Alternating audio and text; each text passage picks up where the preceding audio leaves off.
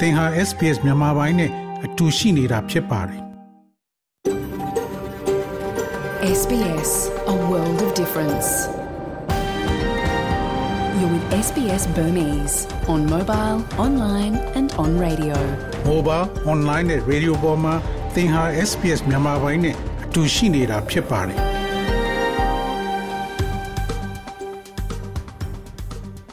တော်ရရှိမြချေတိမင်္ဂလာဖျားဖျားနဲ့ ပြည့်စုံတော်မူကြပါစားခင်ဗျာဒီနေ့အောက်တိုဘာလ1ရက်စနေနေ့မြန်မာပိုင်းစီစဉ်များကို SPS Radio မှစတင်အသံလွှင့်နေပါတယ်ခင်ဗျာဒီနေ့စီစဉ်များကိုကျွန်တော်ကြော်ထွန်းအောင်ခေါ်တယ်ရိုအောင်ကတင်ဆက်သွားမှာဖြစ်ပြီးယနေ့ပါဝင်မဲ့အစီအစဉ်များမှာတော့အရေးပေါ်သတိပေးချက်များနဲ့မိဘေအန်ရဲ့အဆင့်သတ်မှတ်ခြင်းစနစ်များနဲ့သင်မည်သို့တုံ့ပြန်သင့်တယ်ဆိုတဲ့ဆောင်းပါး ဂျူရီတာဝန်ကပါလေအဲ့ဒါအတွက်ဘယ်သူတွေကိုဆင့်ခေါ်နိုင်မလဲဆိုတဲ့ဆောင်းပါးတန်ရွယ်ခက်ကပေးပို့ထားတဲ့တော်လန်ရေးတိုက်ပွဲအတွင်းကမသန်စွမ်းသူရဲကောင်းများဆိုတဲ့ဆောင်းပါးတို့ဖြစ်ပြီးဒီနေ့ကောင်းကြီးပိုင်းသတင်းတွေကတော့မြမခီးတဲ့တင်လေးရင်လွယ်ကိုလီစိတ်အစဉ်ပြက်ခတ်ခံရ Hurricane Ian တောင်ကယ်ရိုလိုင်းနာပြည်နယ်ထဲသို့ဆက်လက်ဝင်ရောက်ဩစတြေးလျရဲ့ဗီဇာအခက်အခဲများ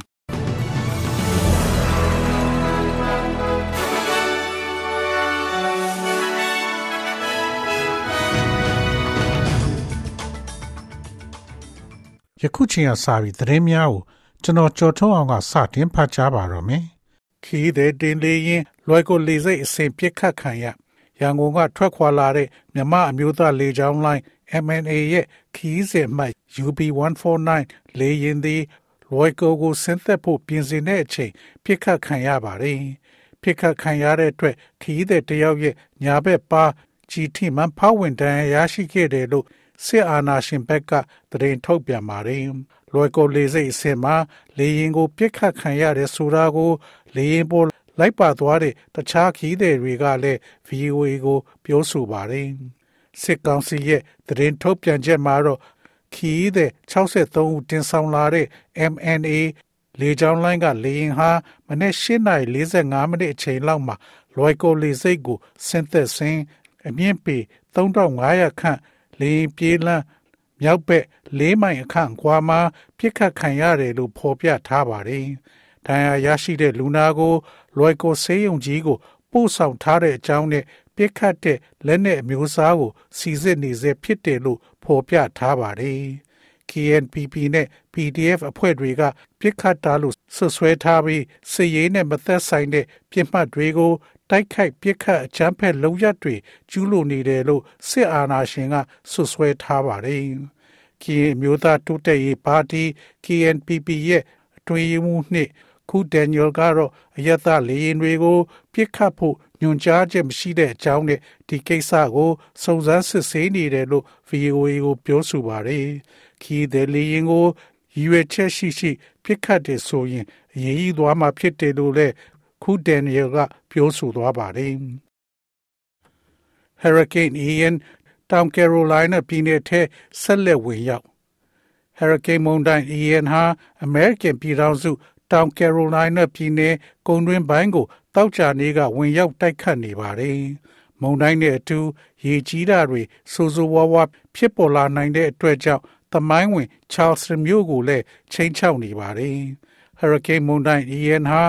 ဖလော်ရီဒါပြည်နယ်ကိုလည်းဝင်ရောက်တိုက်ခိုက်ခဲ့ပြီးအပျက်စီးတွေကြီးမားခဲ့သလိုလူထောင်ပေါင်းများစွာဟာသူတို့ရဲ့နေအိမ်တွေထဲမှာပိတ်မိနေကြပါတယ်။ Hurricane Ian ရဲ့ဗဟိုချက်မဟာတောက်ကြနေနေ့လယ်ပိုင်းလောက်မှာ Georgetown မြို့နားက ကမ်းခြေကိုဝင်ရောက်တိုက်ခိုက်ခဲ့တာဟာဆိုရင်ဗုဒ္ဓဟူးနေ့ကဖလော်ရီဒါပြည်နယ်ကမ်းခြေကိုတိုက်ခိုက်ခဲ့တာလောက်ပြင်းအားမရှိပေမဲ့တော်တော်ပြော့သွားခဲ့တယ်လို့ American မျိုးသား Hurricane Center ကပြောဆိုပါတယ်။မုန်တိုင်းကြောင့်လမ်းတွေပေါ်မှာသစ်ပင်တွေလမ်းမီးတိုင်တွေလဲကျနေပြီး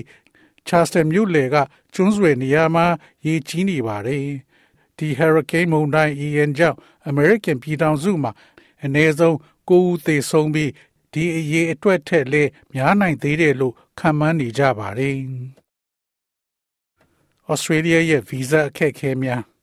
ယာယီဗီဇာကင်ဆိုင်သူများသည်အမြဲတမ်းနေထိုင်ခွင့်အတွက်စောင့်ဆိုင်းရမယ့်အချိန်များကြာမြင့်သည့်အတွက်နိုင်ငံအနှံ့စန္ဒပြခဲ့ကြပါတယ်။ကျွမ်းကျင်သောဒေတာဆိုင်ရာဗီဇာအတွက်စီမံဆောင်ရွက်ချိန်သည်ပြည်ထောင်စုဝန်ကြီးဌာနရဲ့ website အရ24လဖြစ်ပြီး၎င်းသည်2020မတိုင်မီပြုလုပ်ခဲ့သောရှောက်လွှာများကို အခုအခါမှာအကဲဖြတ်နေကြောင်းသိရပါတယ်။ Brisbane, Melbourne, Hobart နှင့် Adelaide တို့တွင်ယာနှင့်ချီသောရွှေပြောင်းနေထိုင်သူများသည်၎င်းတို့ဗီဇာလျှောက်ထားမှုကိုဦးစားပေးလှုပ်ဆောင်ရန်အစိုးရအားတောက်ကြနေကတောင်းဆိုခဲ့ပါတယ်။ပေါင်ကူဗီဇာ bridging visa ဖြင့် ပိတ်မိနေတဲ့ရွှေပြောင်းနေထိုင်သူအရေးအတွက်သည်6ဆတိုးလာကြောင်း The Migrant Worker Center မှအစီရင်ခံစာအသစ်ရသိရှိရပါတယ်။ Melbourne တွင်လူထုစီဝေးပွဲတစ်ခုတက်ရောက်ခဲ့သည့် Barry Jesh က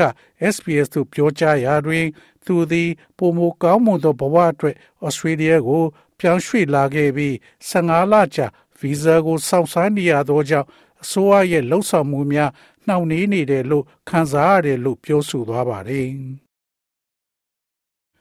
NLD အစိုးရစီးပွားရေးအကြံပေး Sean Turnell ထောင်ချခံရ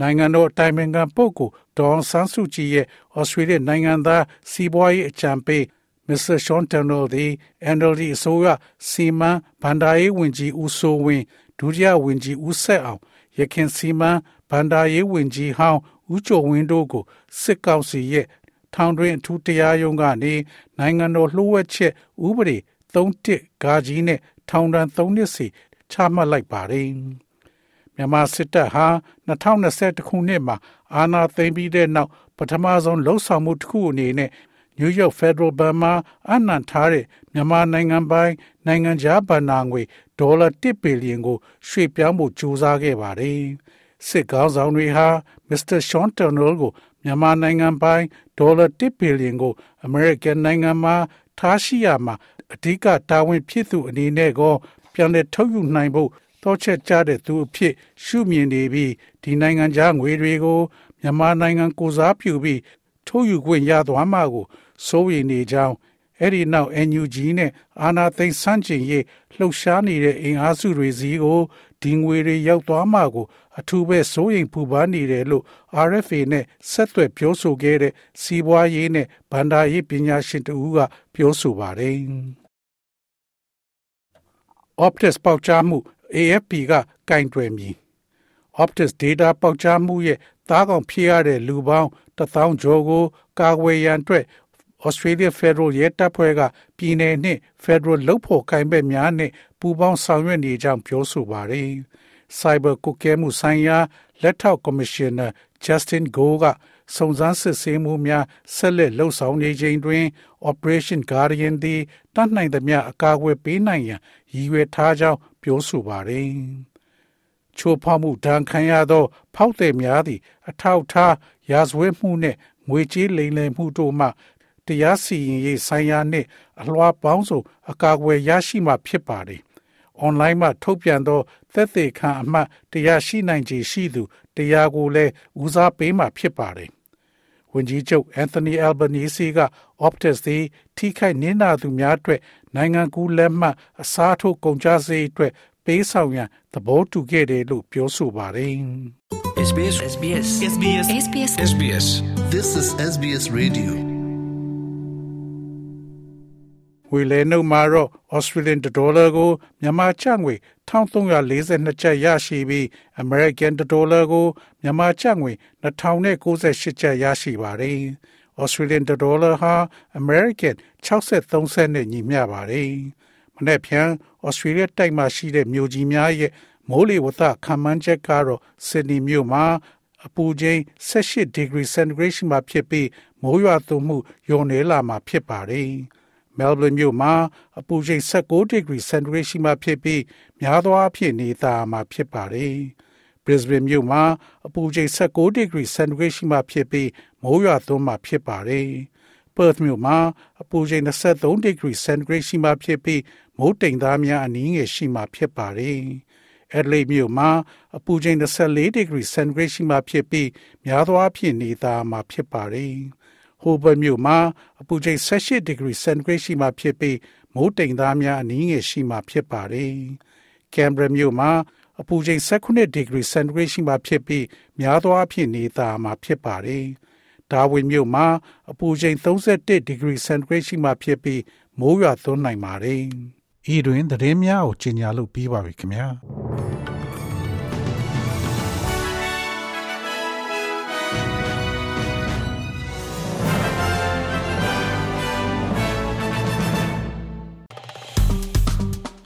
SPS မြန်မာပိုင်းကို Facebook ပေါ်မှာ like ရှာပြီး like မျှဝေမှတ်ချက်ပေးပါ